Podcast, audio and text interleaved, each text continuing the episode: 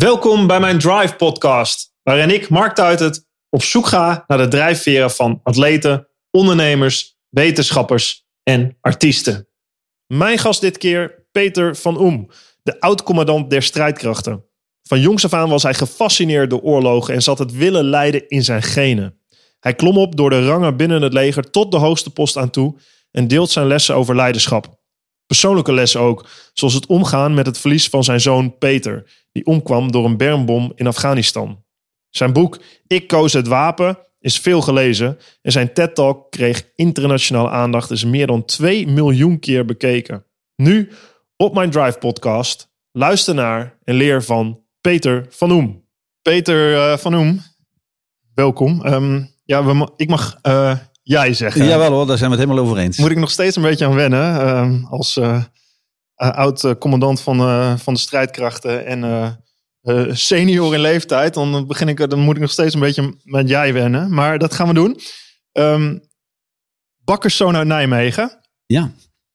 Eh, hoe ben je opgegroeid? Nou, en, eh, mijn ouders komen allebei uit de Achterhoek. Eh, Oh, kijk eens aan. Maakten, ma- maakten een wereldreis naar Nijmegen. Want toen was het echt een wereldreis. Om daar een bakkerij eh, te beginnen. De Gelderse bakkerij. Dan kreeg uiteindelijk eh, drie kinderen. Ik heb een oudere zus en een jongere broer. Ja. En nou, mijn moeder was denk ik eh, tegen het hoogbegaafde aan. Maar heeft nooit de kans gekregen om eh, te leren. Maar gelukkig heeft ze dat in de genen aan ons doorgegeven. Dus de drie kindjes konden alle drie naar de middelbare school. En ik was de slechtste. Mijn, mijn zus en mijn broer konden naar het gymnasium. Maar ik kon niet zo goed stilzitten. Dus ik ging naar, je schaamt je bijna tegenwoordig voor de naam, de Hogere Burgerschool. en ehm, mijn vader wilde eigenlijk dat een van die kinderen, in ieder geval een van de zonen, wel in de bakkerij ging. ja. Maar ja, die, zoon- gebeurd, die hè? zoontjes hadden gezien wat dat voor een leven was. En eh, dat is niet gebeurd. Maar we zijn in een, in een fijn warm gezin opgegroeid. Waar, eh, ja, het heet een eenmansbedrijf, maar het Ja. was een eengezinsbedrijf. En als, al heel jong moesten wij als kinderen gewoon in de bakkerij meehelpen. Of mijn zus in de winkel. Hm. Maar wat wel gebeurd is, is eh, volgens mij jou en je broer ook zijn in het leger beland. En dat heeft ook te maken met jouw vader en met de geschiedenis erachter, toch? Jazeker. Eh onze ouders leerden al, heel vroeg een aantal hele belangrijke dingen. Eh, bijvoorbeeld verantwoordelijkheid nemen. En wij kregen thuis gewoon allemaal klusjes. En dat moest je doen, want anders liep eh, de zaak niet goed. Dus als kinderen wisten wij geen smoesjes over huiswerk maken of met vriendjes spelen. Nee, je klusjes doen. Maar mijn vader vertelde ook over de Tweede Wereldoorlog. En daardoor raakte ik geïnteresseerd en kreeg ik respect voor wat de geallieerden voor ons hadden gedaan.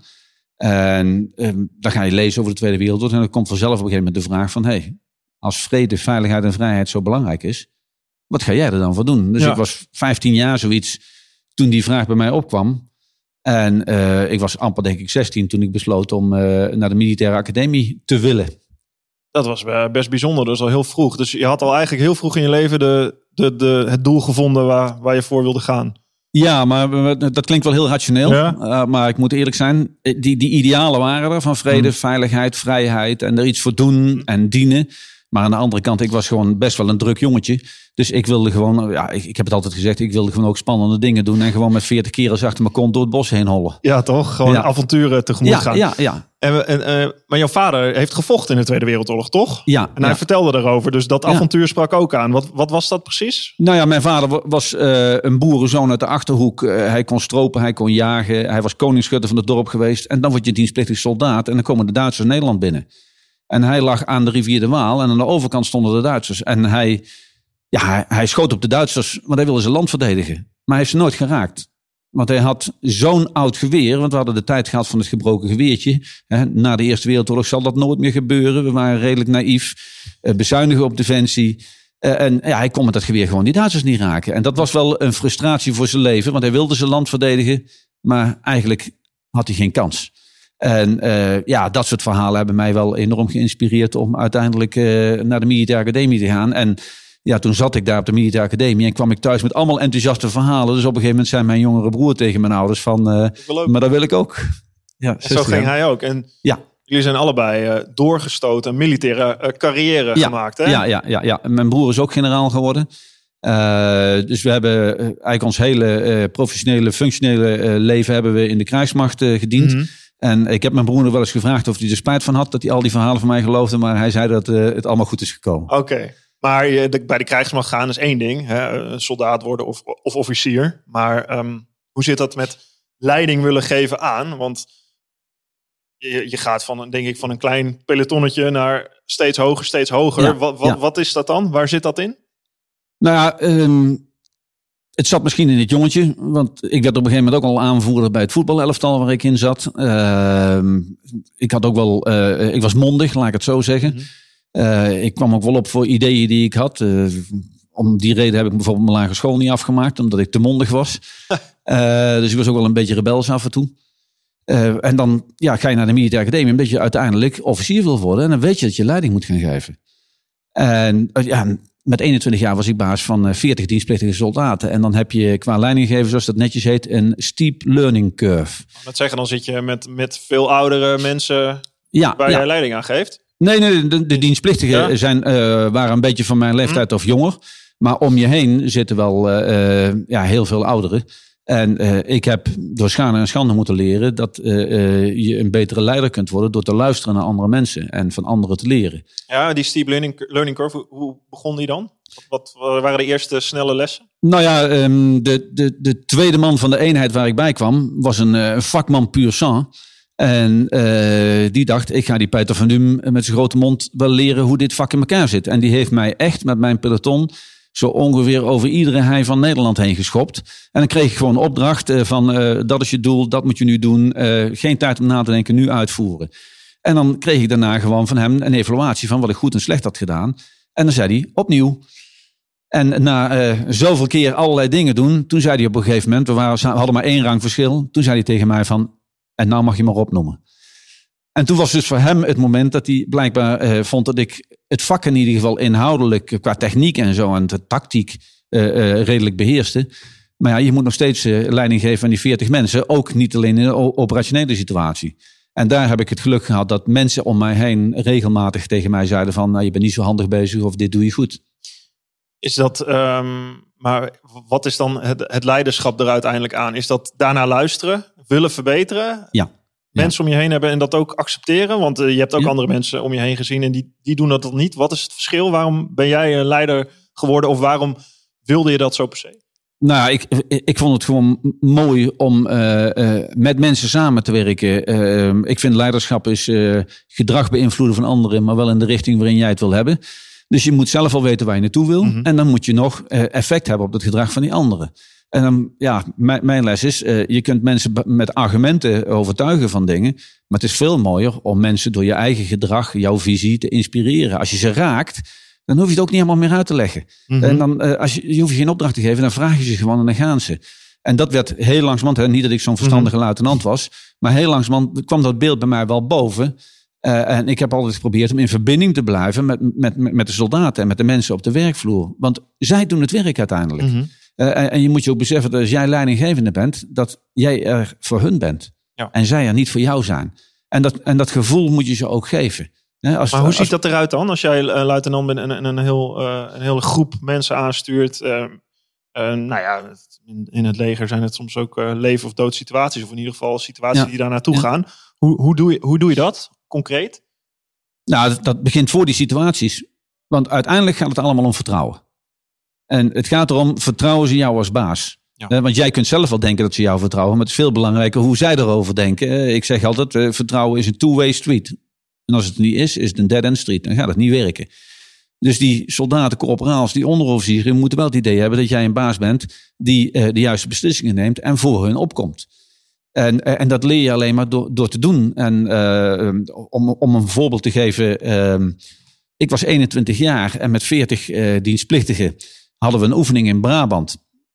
En eh, daar deden we alsof de Russen in Nederland waren. Wij moesten uit het gebied van de Russen eh, zien weg te komen. En nou, na twee nachten, overdag kruip je in de bossen en s'nachts probeer je dan eh, lopend weg te komen.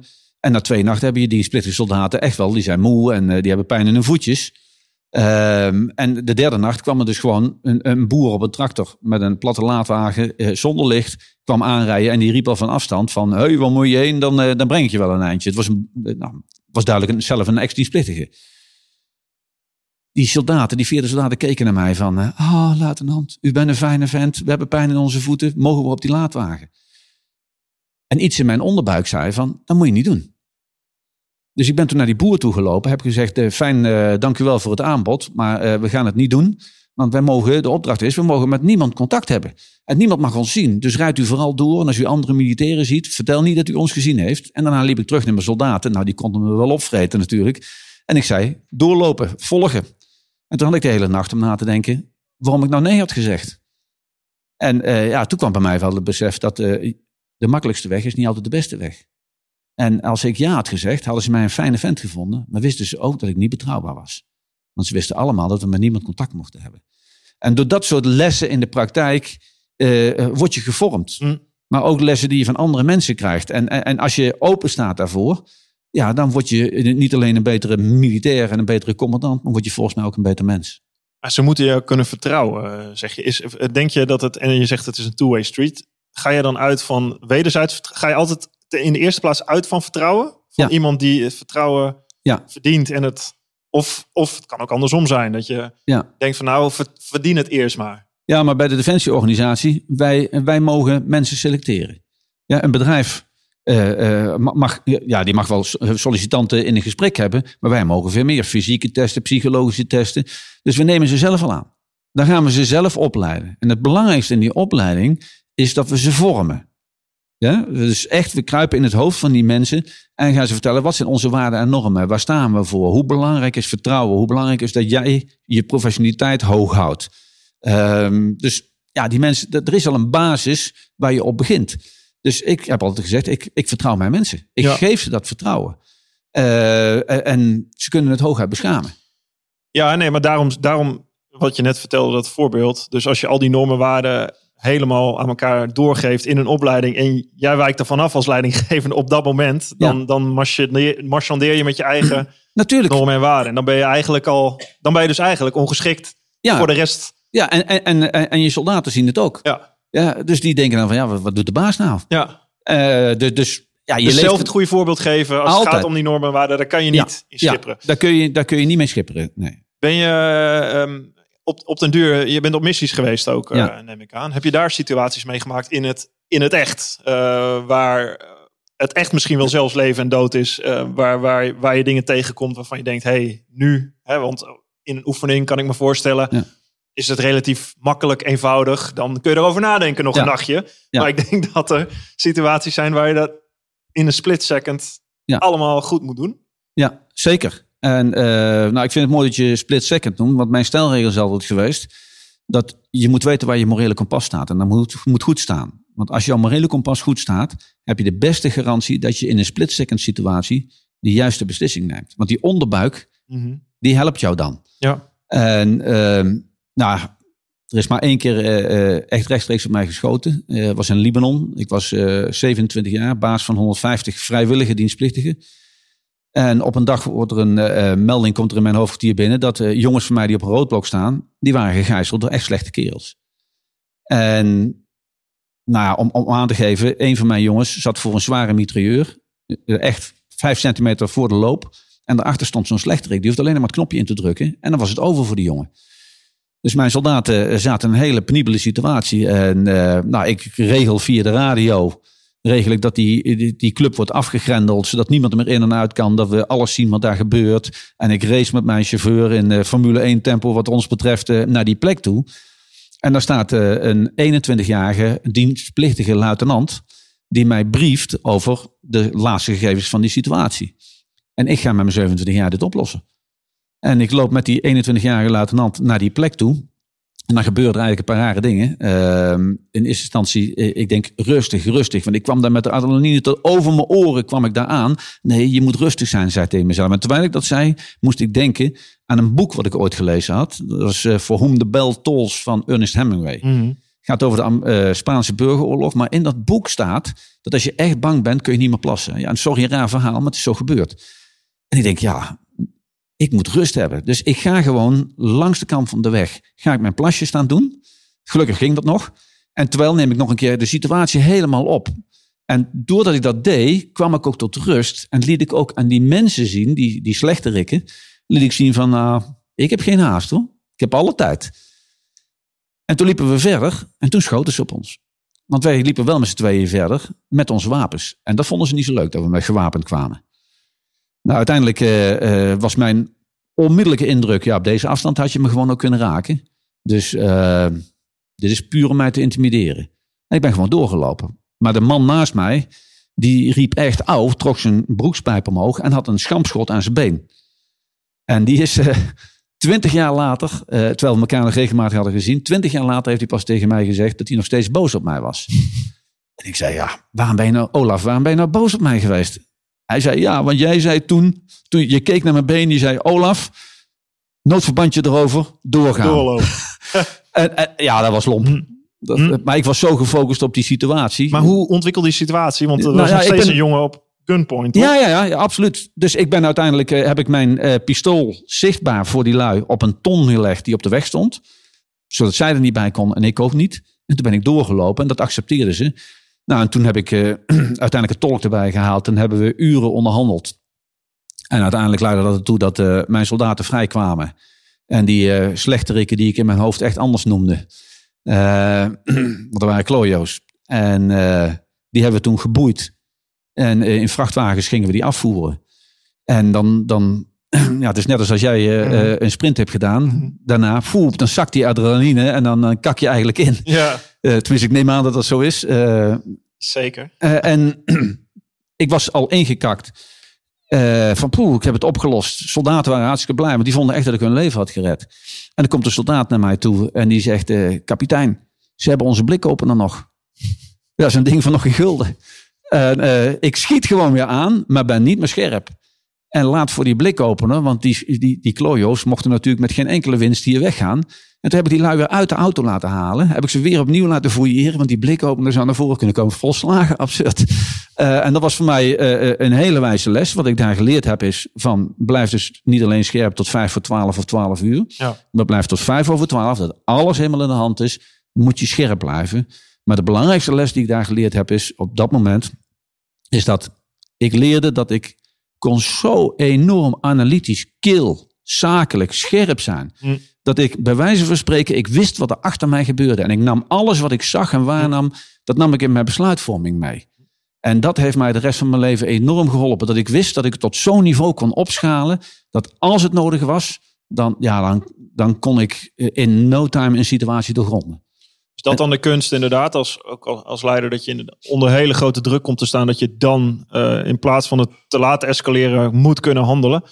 Ja, en, ik, eh, ik denk dat we dat wel eh, als militairen van onze leiders eh, eh, vragen. Maar Ja. komen we daar wel eens als militair? Hè? we- Ik, ik, moreel kompas, ik hoor een aantal dingen. Hebben we, hebben we überhaupt, eh, als je kijkt naar de huidige wereld, hebben we überhaupt nog een leger nodig als Nederland? Hebben, hebben we zulke mensen nodig? Komen we überhaupt in zulke situaties? Nou ja, in ieder geval de afgelopen jaren met, de- met de missies eh, is gebleken dat we eh, in zulke situaties terecht kunnen komen. En dat het ook nodig is dat we een krijgsmacht hebben. Ehm, er is weer fors bezuinigd op de krijgsmacht. Eh, we zien nu dat we weer een andere kant op gaan. Eh, mijn stelregel, eh, of tenminste een van mijn, ik heb een hoop one-liners bedacht.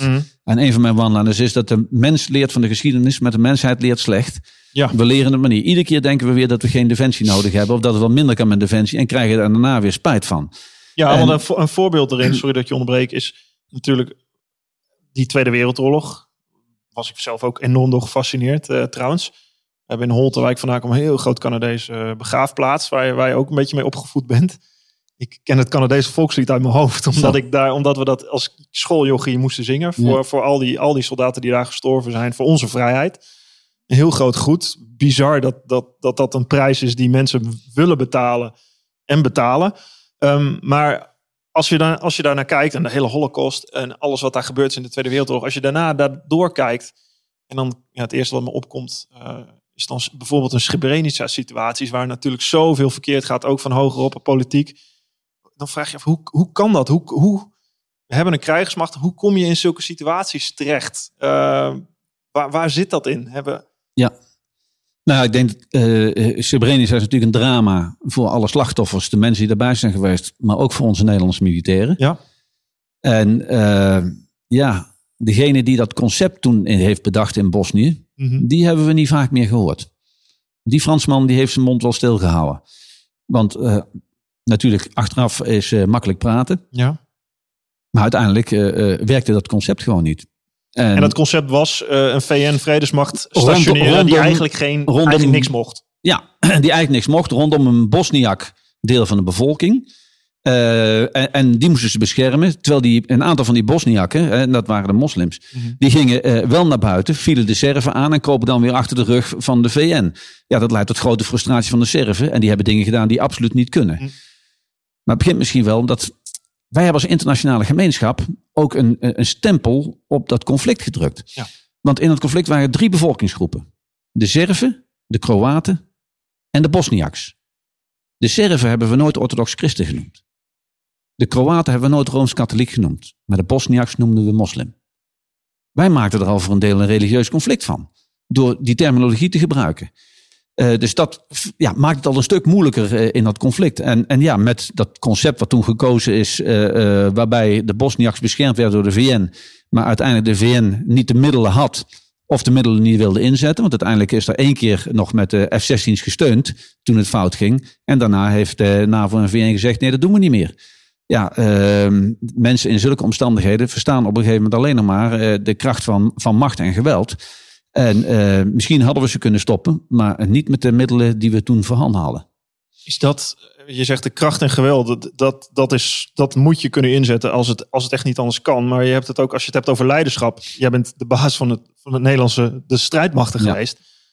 Daarboven hangt de politiek. Dit lijkt me zo'n ingewikkeld iets dat uh, politici natuurlijk democratisch verkozen een beslissing moeten nemen. En eigenlijk wil niemand strijd. Eigenlijk wil iedereen vrede. En dan wordt het een soort halfbakken compromisoplossing. Uh, waar. Nou, ik denk dat we. Uh, allereerst, ik ben het helemaal met je eens. Het inzetten van geweld is echt het laatste middel. Mm -hmm. Ja, en militairen, helaas, heb je nodig om weer veiligheid en rust in een gebied te brengen.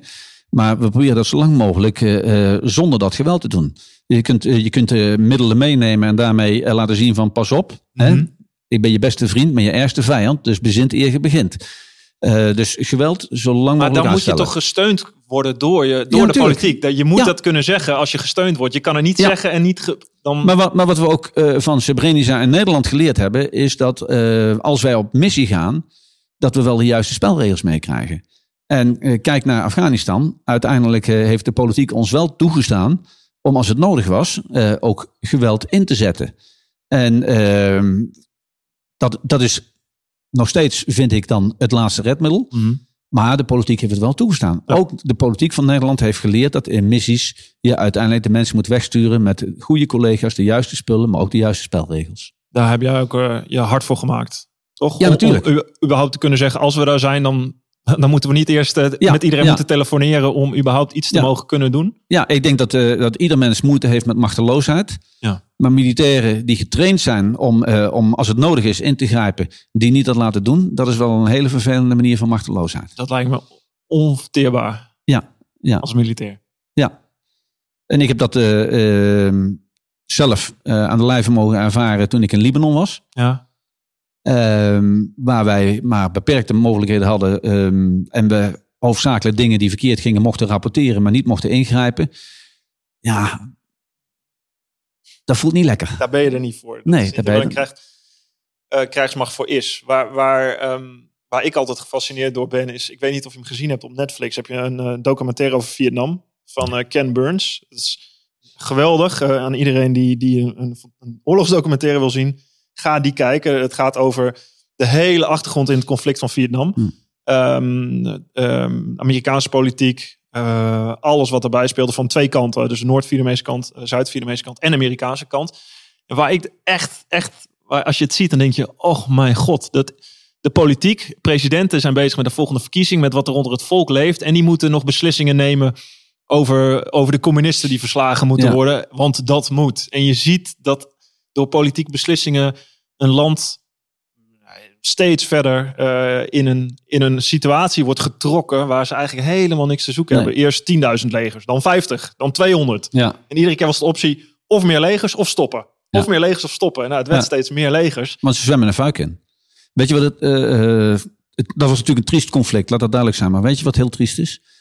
Hoe, hoe Vietnam-veteranen elkaar begroeten die geven elkaar een hand, kijken elkaar in de ogen en zeggen: Welcome home. Want die gingen weg om te strijden voor hun land, voor de idealen van hun land. Dat was het beeld.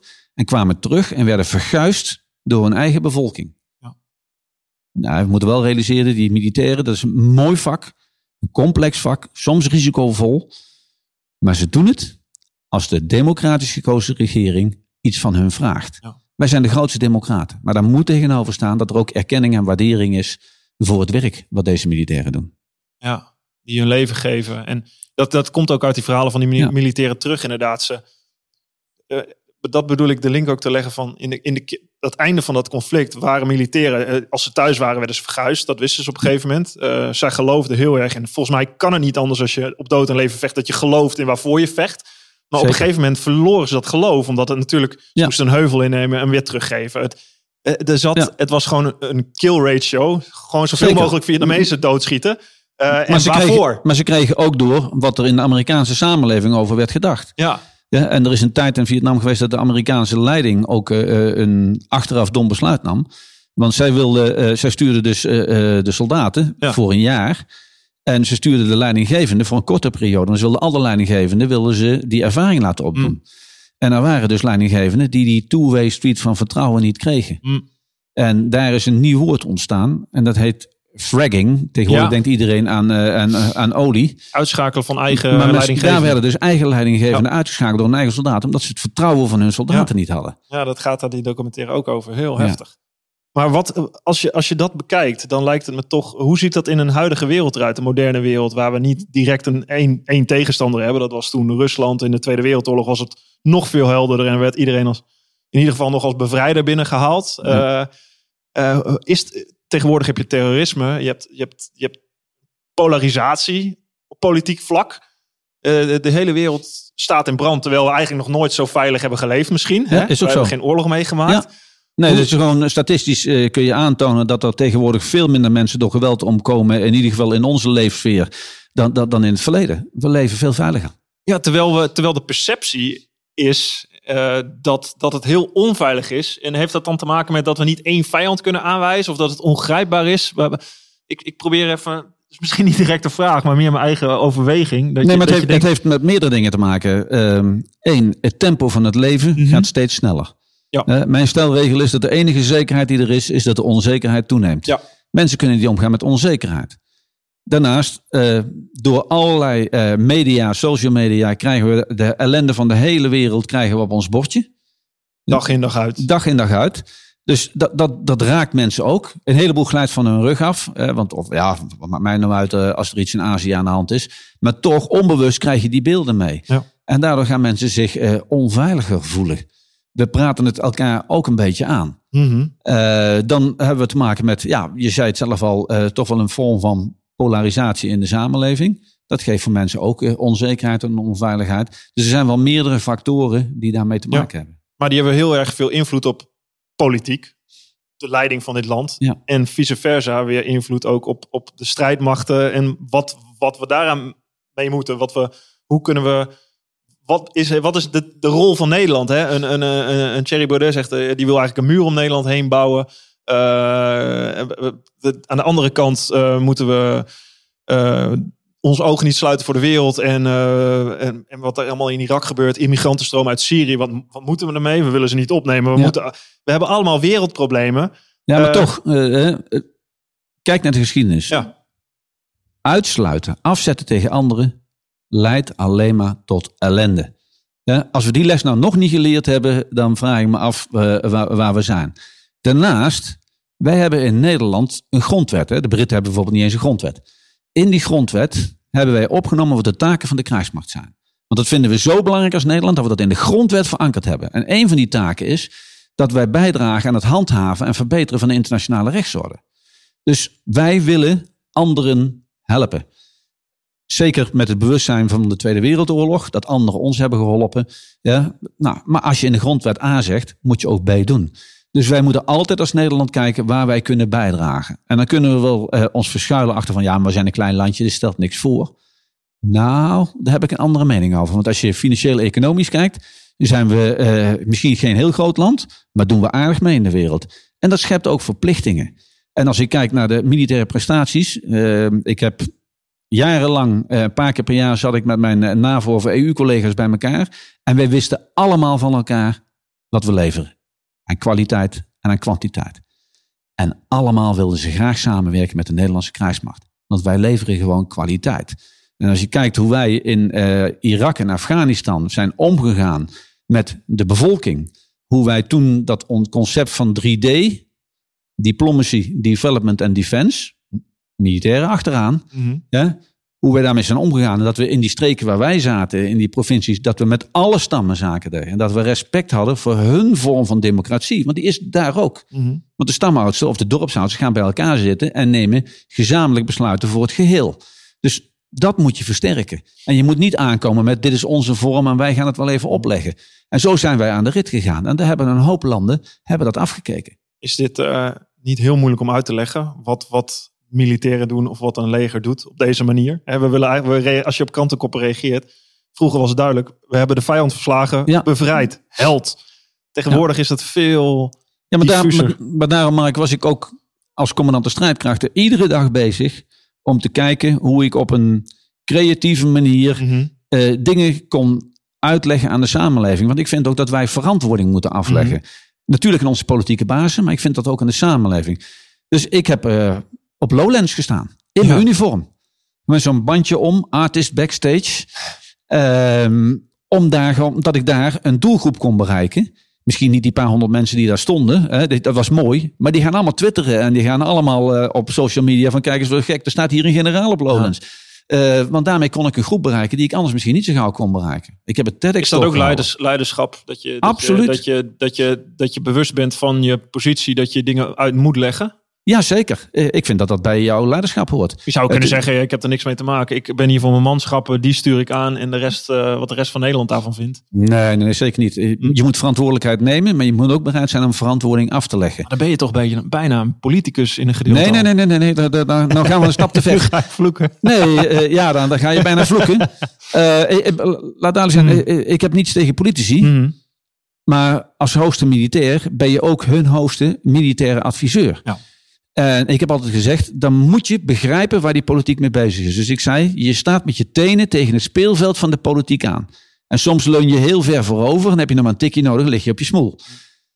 Maar je stapt nooit in het speelveld van de politici. Want dan gaan ze mij behandelen als een politicus. En dat ben ik niet. Nee, ik heb een andere rol en verantwoordelijkheid. En uh, ik heb altijd gezegd van de politiek moet wel naar de commandant der strijdkrachten luisteren voordat ze een besluit nemen. Ze hoeven niet te doen wat ik zeg. Ja, want zij zijn de democratisch gekozen regering. Maar ze moeten wel open oren en ogen hebben voor de consequenties van hun keuzes die ik hun kan aanreiken. Als het ooit tot een situatie komt waar Nederland, uh, waar we ons leger moeten inzetten, of misschien wel in de toekomst in Europees verband, zijn we bereid te vechten? Zijn we bereid te vechten voor idealen? Is het, is het onze taak? Nou, dat is heel lang, uh, uh, ja, na de Tweede Wereldoorlog, decennia lang het idee geweest dat de Nederlanders dat, dat niet waren. Mm ik denk dat wij in uh, de laatste missies hebben laten zien dat die bereidheid er ook in de Nederlandse jongelui zit. Ja. En uh, ja, een voorbeeld wat gelijk naar mij boven komt. Misschien kennen de mensen nog wel de term van de slag om Chora in Afghanistan. Ja, daar kwam de Taliban gewoon behoorlijk fors binnenzetten.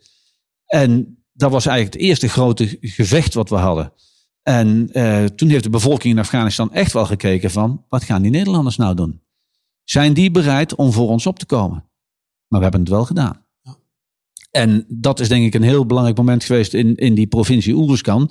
Dat een heleboel stammen zagen van nee, maar die Nederlanders steken wel hun nek voor ons uit. Dus, dus ik twijfel niet aan. We kunnen het. De vraag is alleen, het ook als nodig hebben we de politieke bereidheid om dat te gebruiken of dat in te zetten? Ja, maar uh, zo hoort het in een democratie. Ja. En de politiek moet uiteindelijk die ultieme keuzes maken. Maar ik leg er wel aan de politiek uit dat de zwaarste verantwoordelijkheid die zij hebben, in mijn ogen, de zwaarste keuze die ze hmm. kunnen maken, is militair op uitzending sturen. De Britten noemen dat you send them in harm's way. Mm. Zij gaan hun leven riskeren omdat jij dat vraagt. Ja, en, daar ben ik misschien door die, eh, helemaal ook die documentaire of Vietnam, als je er ziet, de geschiedenis, wat leren we van de geschiedenis? Ik denk dat de geschiedenis zich heel vaak net op een andere manier wel blijft herhalen. Daar zie je een, een Nixon, maar ook daarvoor een Johnson, uh, in mindere mate nog een Kennedy, echt ehm, inderdaad jonge jongens naar Vietnam sturen. En ze komen in bodybags terug. Uh, wat natuurlijk druk zet op de hele Amerikaanse samenleving. Maar je ziet ze ook een afweging, een hele politieke afweging maken. Van ja, mensen moeten me kiezen, ik wil dit doen. Het eigenlijk is. Die, die, dat, dat wordt zo verstoord. Snap je wat ik bedoel? Die, die, Ja, hele die afweging die gemaakt wordt, die wordt best wel. Nou, niet, die, die wordt niet makkelijk gemaakt, laat ik het niet zo zeggen. Maar ehm, het, het rode gevaar, er wordt een groot gevaar, wordt zo groot gemaakt. Dat politiek gezien eh, ja, daar moet iets aan gedaan worden. En je wordt ergens ingezogen, in een verhaal gezogen. Toen was het hè, de Russen die verschrikkelijk zijn. Ja, Ja. het zou nu kunnen zijn. ehm, eh, Maar, maar in zo'n situatie of, eh, eh, was, het- zou het mijn rol zijn om hun te wijzen op de consequenties van de besluiten die ze nemen. Ja? En eh, ik heb echt eh, fantastische eh, mensen in de politiek meegemaakt die over hun partijpolitiek heen konden stijgen. Hm. Die eh, zich bewust waren dat voor de politiek de korte termijn eigenlijk vier jaar is als ze eh, al kunnen regeren. Maar die over die vier jaar heen konden kijken. Eh, en, en dat is uiteindelijk wel de rol van onze politieke leiders. dat is toch leiderschap eigenlijk? Dat is Gewoon leiderschap. Over de lange termijn Ja, kunnen regeren in plaats van je mee Ja. te laten nemen in de gekheid. Ja, het was, ook mijn, het was dag. ook mijn rol om binnenskamers, en nooit buitenskamers, maar binnenskamers, ook mijn politieke bazen eh, eh, scherp van, eh, van, van, van ja, een wederwoord eh, te geven. En hun ook scherp te houden. Mm. Dat mochten ze bij mij ook hoor, daar gaat het niet om. Dus ik heb best heftige discussies met politieke bazen gehad. eh, maar altijd binnenskamers. Ja. Ja, en nooit naar buiten toe. En, en zo hoort het volgens mij. Ja, ja dat lijkt me ook als je, als je het ziet. Maar eh, dat, dat Nee, maar als de, weer- de militairen eh, het gaan bepalen, dan, eh, dan ga ik emigreren. ja, dat zal. Nee, maar je moet. Ik kan me voorstellen, helemaal als je moet vechten of als, als, als er een soort dood- of levenreactie is, dan reageer je natuurlijk in de oorlog gebeuren de meest verschrikkelijke dingen. Dat, hè, op een papiertje kun je mooie dingen afspreken, maar in de heat of the moment is natuurlijk, dan kun je meegesleurd worden. En is een. Na- natuurlijk, maar ehm, ik verwachtte van mijn leiders en ook van mezelf dat ze ook in de heat of the moment Ja. de juiste beslissingen namen. Ja. En jonge leidinggevenden kwamen eh, voor hele moeilijke keuzes tussen leven en dood, ethische dilemma's. Hm. En ze namen de juiste keuzes. Ik bedoel, we hebben eh, de verplichting gekregen na het eh, incident met Erik O. Misschien kun je het nog herinneren. Een onderofficier van de mariniers die in een hele complexe situatie een waarschuwingsschot gaf. En jammer genoeg door een ricochet een, eh, een inwoner van Irak doodde. Daarna is de verplichting gekomen dat iedere wapeninzet van Defensie wordt niet alleen in de commandantenlijn, maar ook via de marechaussee naar het Openbaar Ministerie gerapporteerd. En aanvankelijk zagen wij dat eigenlijk als een inbreuk op onze professionaliteit. zeggen, ja. Ja? Maar, maar als je dan achteraf kijkt in Afghanistan, waar we meer dan 20.000 militairen hebben gehad. We hebben soms lang en hard gevochten.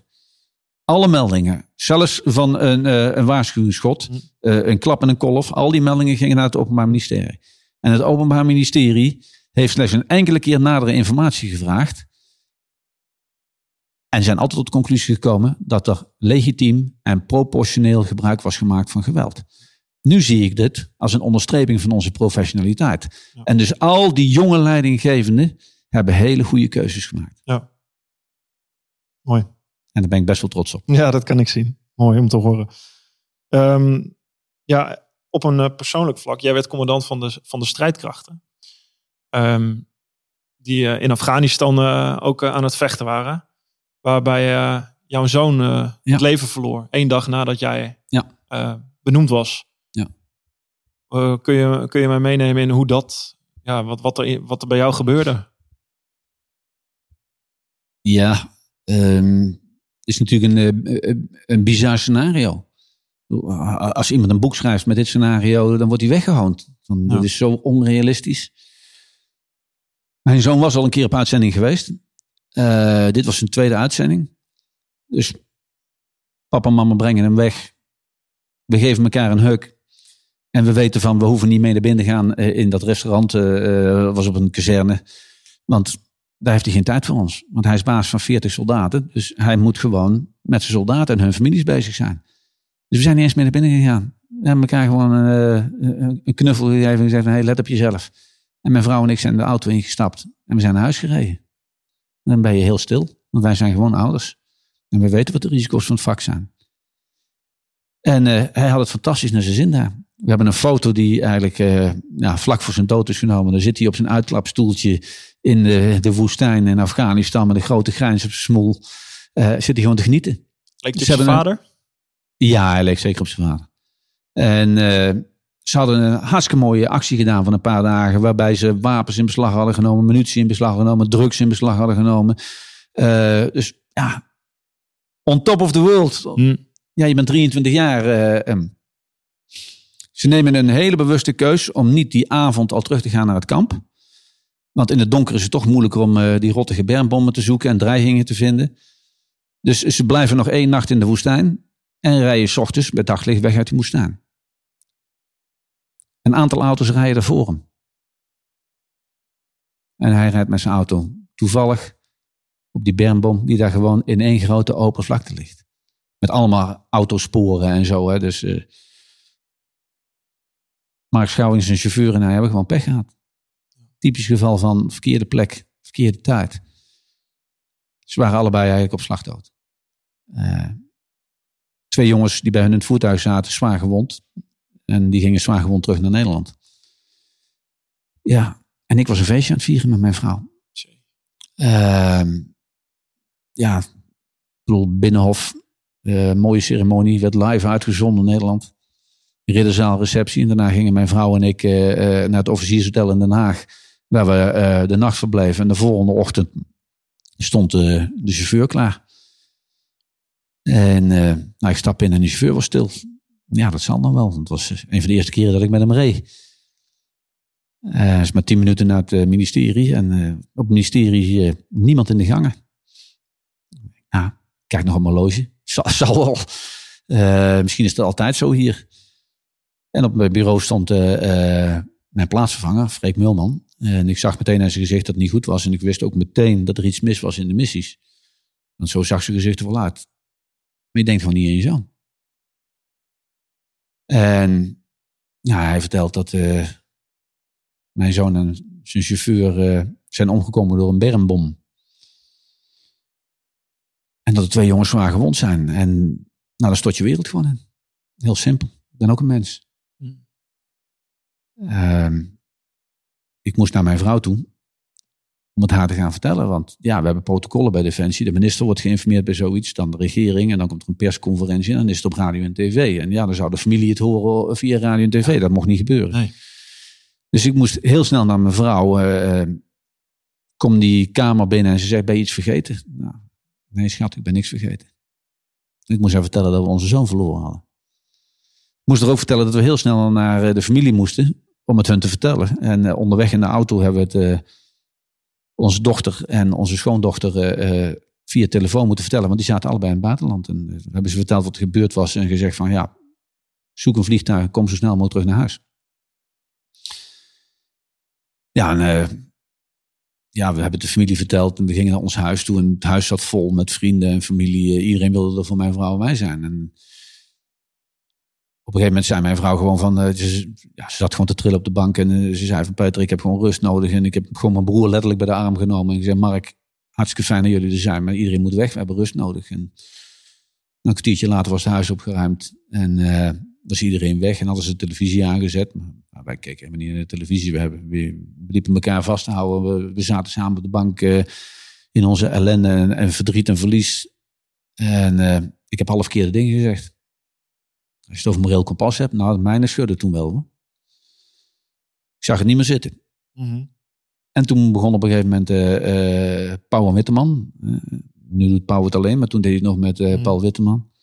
En, en nou, dit is de foto's zien van Mark Schouwing en onze zoon. En hoe triest je dan ook bent, dan ga je toch kijken. En toen begonnen ze daar een discussie over of ik nog wel commandant de strijdkrachten kon zijn. ja, daar werd ik wel boos toch. Ik ben niet boos op ze hoor. Nee. Niet meer. Ik ben ze nu bijna zelfs dankbaar. ja, dat zijn de vragen die journalisten meteen ja. moeten stellen. Ja, ja. maar dus uh, ja, ze, aan die tafel kwamen ze gewoon tot de conclusie, tot het oordeel dat ik niet meer kon functioneren. Hm. Ja, dat, dus ik werd zo boos dat mijn vrouw ook boos werd. En, en door die boosheid kwamen we uit ons verdriet. En, uh, en keken we elkaar aan en zeiden we, nou, dit mag gewoon niet gebeuren. Wat zij hier zeggen, dat kan niet waar zijn. Want als zij gelijk hebben, dan, ja, dan verliezen we alles waar, waar, onze zoon in gelooft en waar wij in geloven. Dan verliezen we nog veel meer. En toen hebben wij met z'n tweeën eigenlijk al besloten van... Uh, je gaat proberen om door te gaan. Ik wist niet of ik kon, maar ik ga het in ieder geval proberen. En we wisten dat we met die twee meiden, onze dochter, onze schoondochter, daar wel over moesten spreken. Maar die hebben ons gelukkig erin gesteund. Ja, en uh, toen heb ik maar geprobeerd om door te gaan. Ja. En... Maar dat lijkt me heel... Je zit met het, met het verdriet van... Nou ja, ik heb zelf twee kinderen. Dat, ik zou me niet eens voor kunnen stellen. Dat lijkt me het allergrootste verdriet wat er überhaupt bestaat. Ja.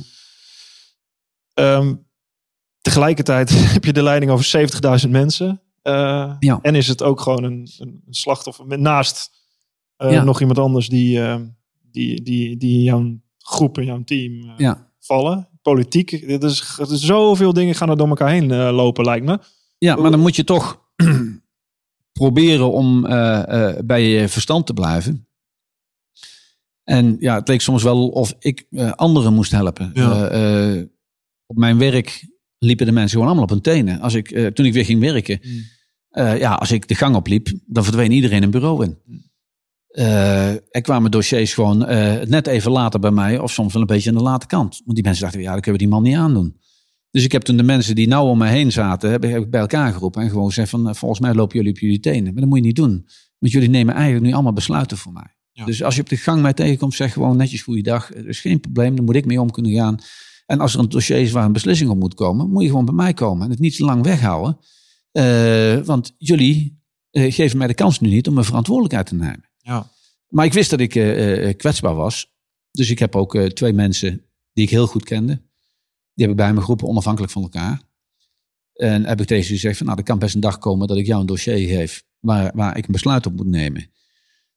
Um, dan vertel ik jou welk besluit ik wil nemen welke argumenten ik daarvoor heb. En je hoeft geen expert op dat dossier te zijn. Maar dan krijg je mij twee dagen en dan kom je terug en dan vertel je mij of ik het juiste besluit ga nemen. Want als ik moest kiezen tussen zeg maar, het laatste dubbeltje van Defensie voor vliegtuigen, schepen of spullen tegen bermbommen. Ja. ja, dan was ik emotioneel mogelijk gedreven om dat aan dat laatste te geven. Terwijl het verstandiger was om het aan vliegtuigen of schepen te geven.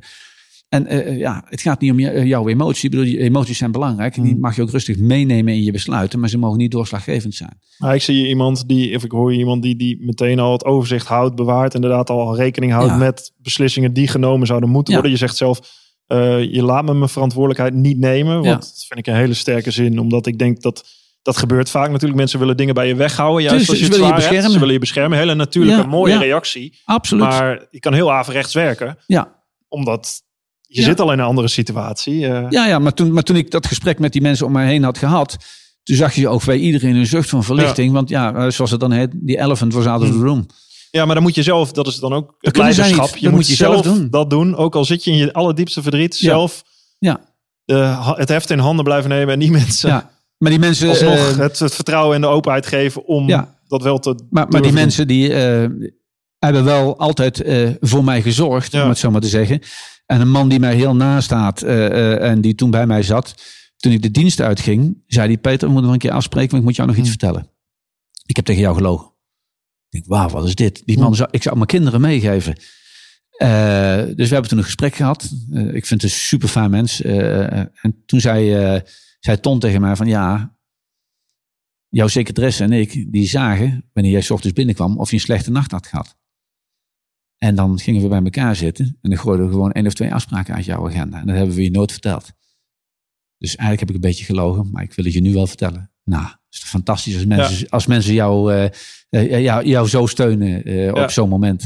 ja, heel mooi. En zo kennen ook. Zo goed kennen. Heb je, um, hoe, ja, hoe, hoe ga je dat persoonlijke verdriet, dat blijft natuurlijk altijd. is dat iets wat, wat je dan een plek geeft of, of daar ook nog bewust mee omgaat? Of, of is dat iets wat je alleen met je vrouw verwerkt als je samen bent? Of? Nee, we, hebben dat uh, toen de twee meiden terug waren, uh, hebben we eigenlijk ja, met elkaar afgesproken dat uh, we moesten elkaar de ruimte geven om er op je eigen manier mee om te gaan, zonder dat we elkaar loslieten. Het mocht niet gebeuren dat we nog meer zouden verliezen door elkaar los te laten. En uh, ja, ik ben super trots op hoe mijn gezin ervoor staat. Want uh, de partner van onze zoon is gewoon een dochter van ons geworden. En die twee meiden zijn gewoon zussen geworden. En het staat ook niet tussen haar ouders en ons, want die begrijpen dat. Uh, dus er is ook iets heel moois uit voortgekomen. Ehm, maar ja, we hebben het wel zelf moeten doen. En, Direct en, mensen bij elkaar roepen. Of het nou je familie is of je werk. Of, je, of gewoon mensen bij elkaar roepen en ja. handelen. Of, of ja, handelen, maar, maar, ook, en, maar ook dingen accepteren. Ik bedoel, mijn vrouw wist ook als ik een slechte nacht had gehad. Ja. En dan kwam ik na het werk thuis met een tas met post. En dan stond ze bij de deur en dan zei ze: Tas hier, telefoon inleveren, je gaat nu naar bed. Mhm. Ja, dat is goud waard. Ja. ja uh, dus ja, uiteindelijk moet je het samen doen. Uh, en moet je samen die, die weg vooruit uh, zien te vinden. want dat hebben we altijd voor ogen gehouden. We moeten wel vooruit. Want onze zoon, mhm was, eh, ja, was, eh, was een levensgenieter. Hij stond vol in het leven. Eh, en hij zou het gewoon echt heel erg vinden mm. als dit ons leven zou vergallen. Maar het is wel zo dat ja, na onze zoon en, en, en na Max Schouwing zijn er nog enkele in Afghanistan gestorven en gesneuveld. En ja, ik ging daarvoor altijd alleen naar die, naar die familie toe. Naar die partner of naar die ouders. Vanaf dat moment liet mijn vrouw mij niet meer alleen gaan. Ze ging mee. En wij waren er dan voor die mensen. Ja. En als we, dat waren gesprekken van uren. Ja. En, en, ja, bijna krankzinnige gesprekken, want je bent baas van degene die overleden is. Maar je bent ook lotgenoot. Je bent ook zelf ouder. Dus, maar wij waren er voor die mensen. En, en dan gingen we daar weg. Dan was er altijd iemand van de maatschappelijke dienst van Defensie. Uh, die bleef bij die mensen van, voor de follow-up. Maar de chauffeur bracht ons thuis. Er was niemand van mijn vrouw en mij. Want bij ons stond die wond net zo wagenwijd open als bij die mensen die het net gehoord hadden. En dat moesten we zelf doen. Ja. ja. Dat was wel moeilijk. Kan me voorstellen. Helemaal met z'n tweeën en dan... Ja. Je, je bent, je, je, alle energie steek je in, in, in, in het verdriet van andere mensen. Ja. Je hebt ook nog het verdriet van... Is dat... Ja, wat je zegt eigenlijk ook al. Gewoon hele goede mensen om je heen hebben. Die, ja, dat is goud die, die, waar je dat mee allemaal kan doormaken. Ja, ja, dat, Kies je die zelf of kiezen die jou? Nou, bij, bij Defensie, uh, we hebben een gesloten personeelsysteem. Dus dan, met die mensen moet je het doen. Maar dat zijn allemaal fantastische mensen.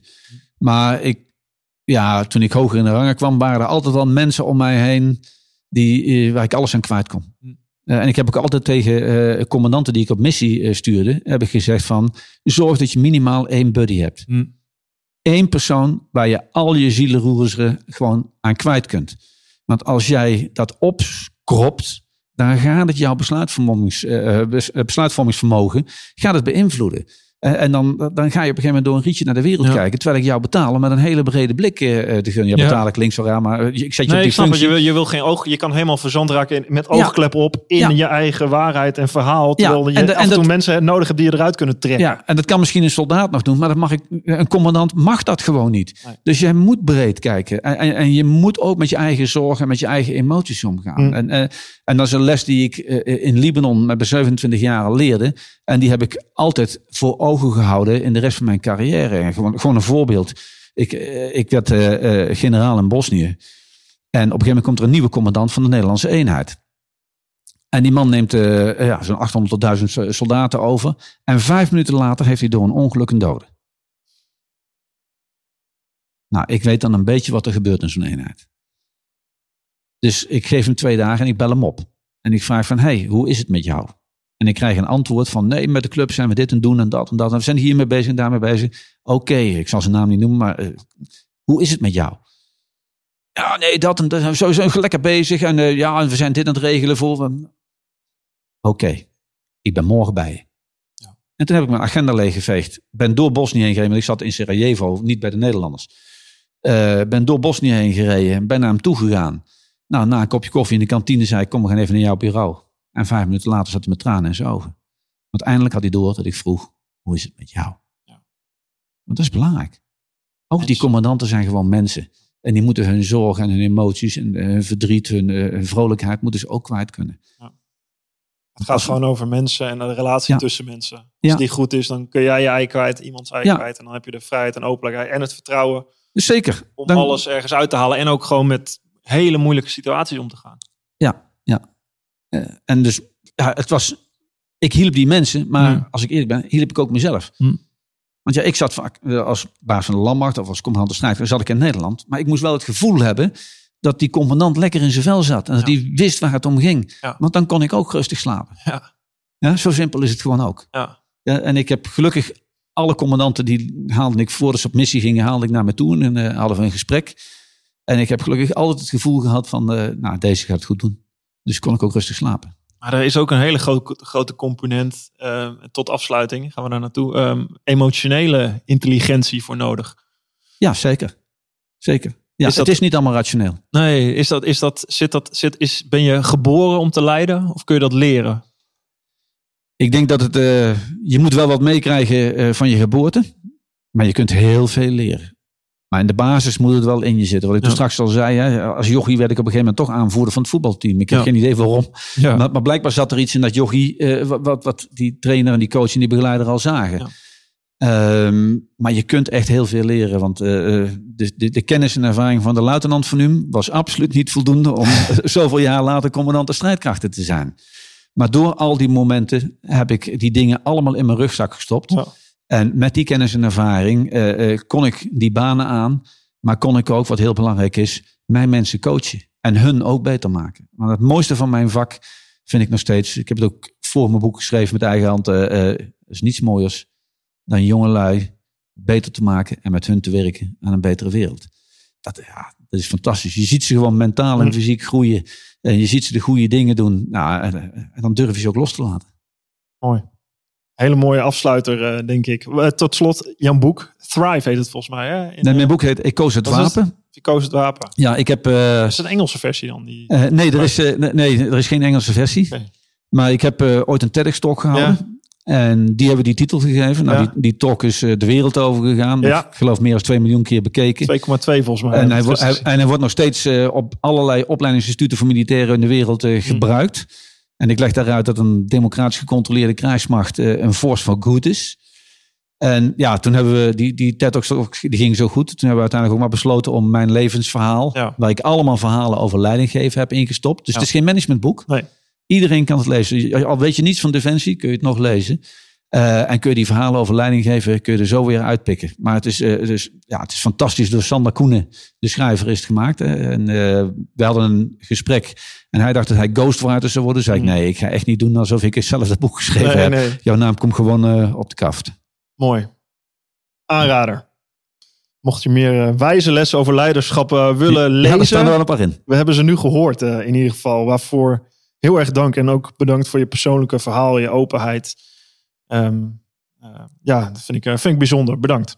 Graag gedaan. Dank je voor het luisteren naar mijn Drive podcast. Wil je nu meer afleveringen luisteren? Abonneer je dan op mijn podcast via Spotify, iTunes of YouTube. Je kan me vinden onder Drive Podcast Mark Tuitert. Of bekijk alle informatie en alle podcasts op www.firstenergygum.com. Ga je naar het tapje media en het tapje podcasts. Daar vind je alle informatie. Laat me ook weten wat je van deze podcast vindt en welke gasten jij graag zou willen horen. Dan ga ik daar werk van maken. En dat kan je doen via mijn eigen social media kanalen. Mark Tuitert. Je kan me vinden op Instagram, Twitter en LinkedIn. Ga gedreven verder zou ik zeggen en tot de volgende Drive podcast.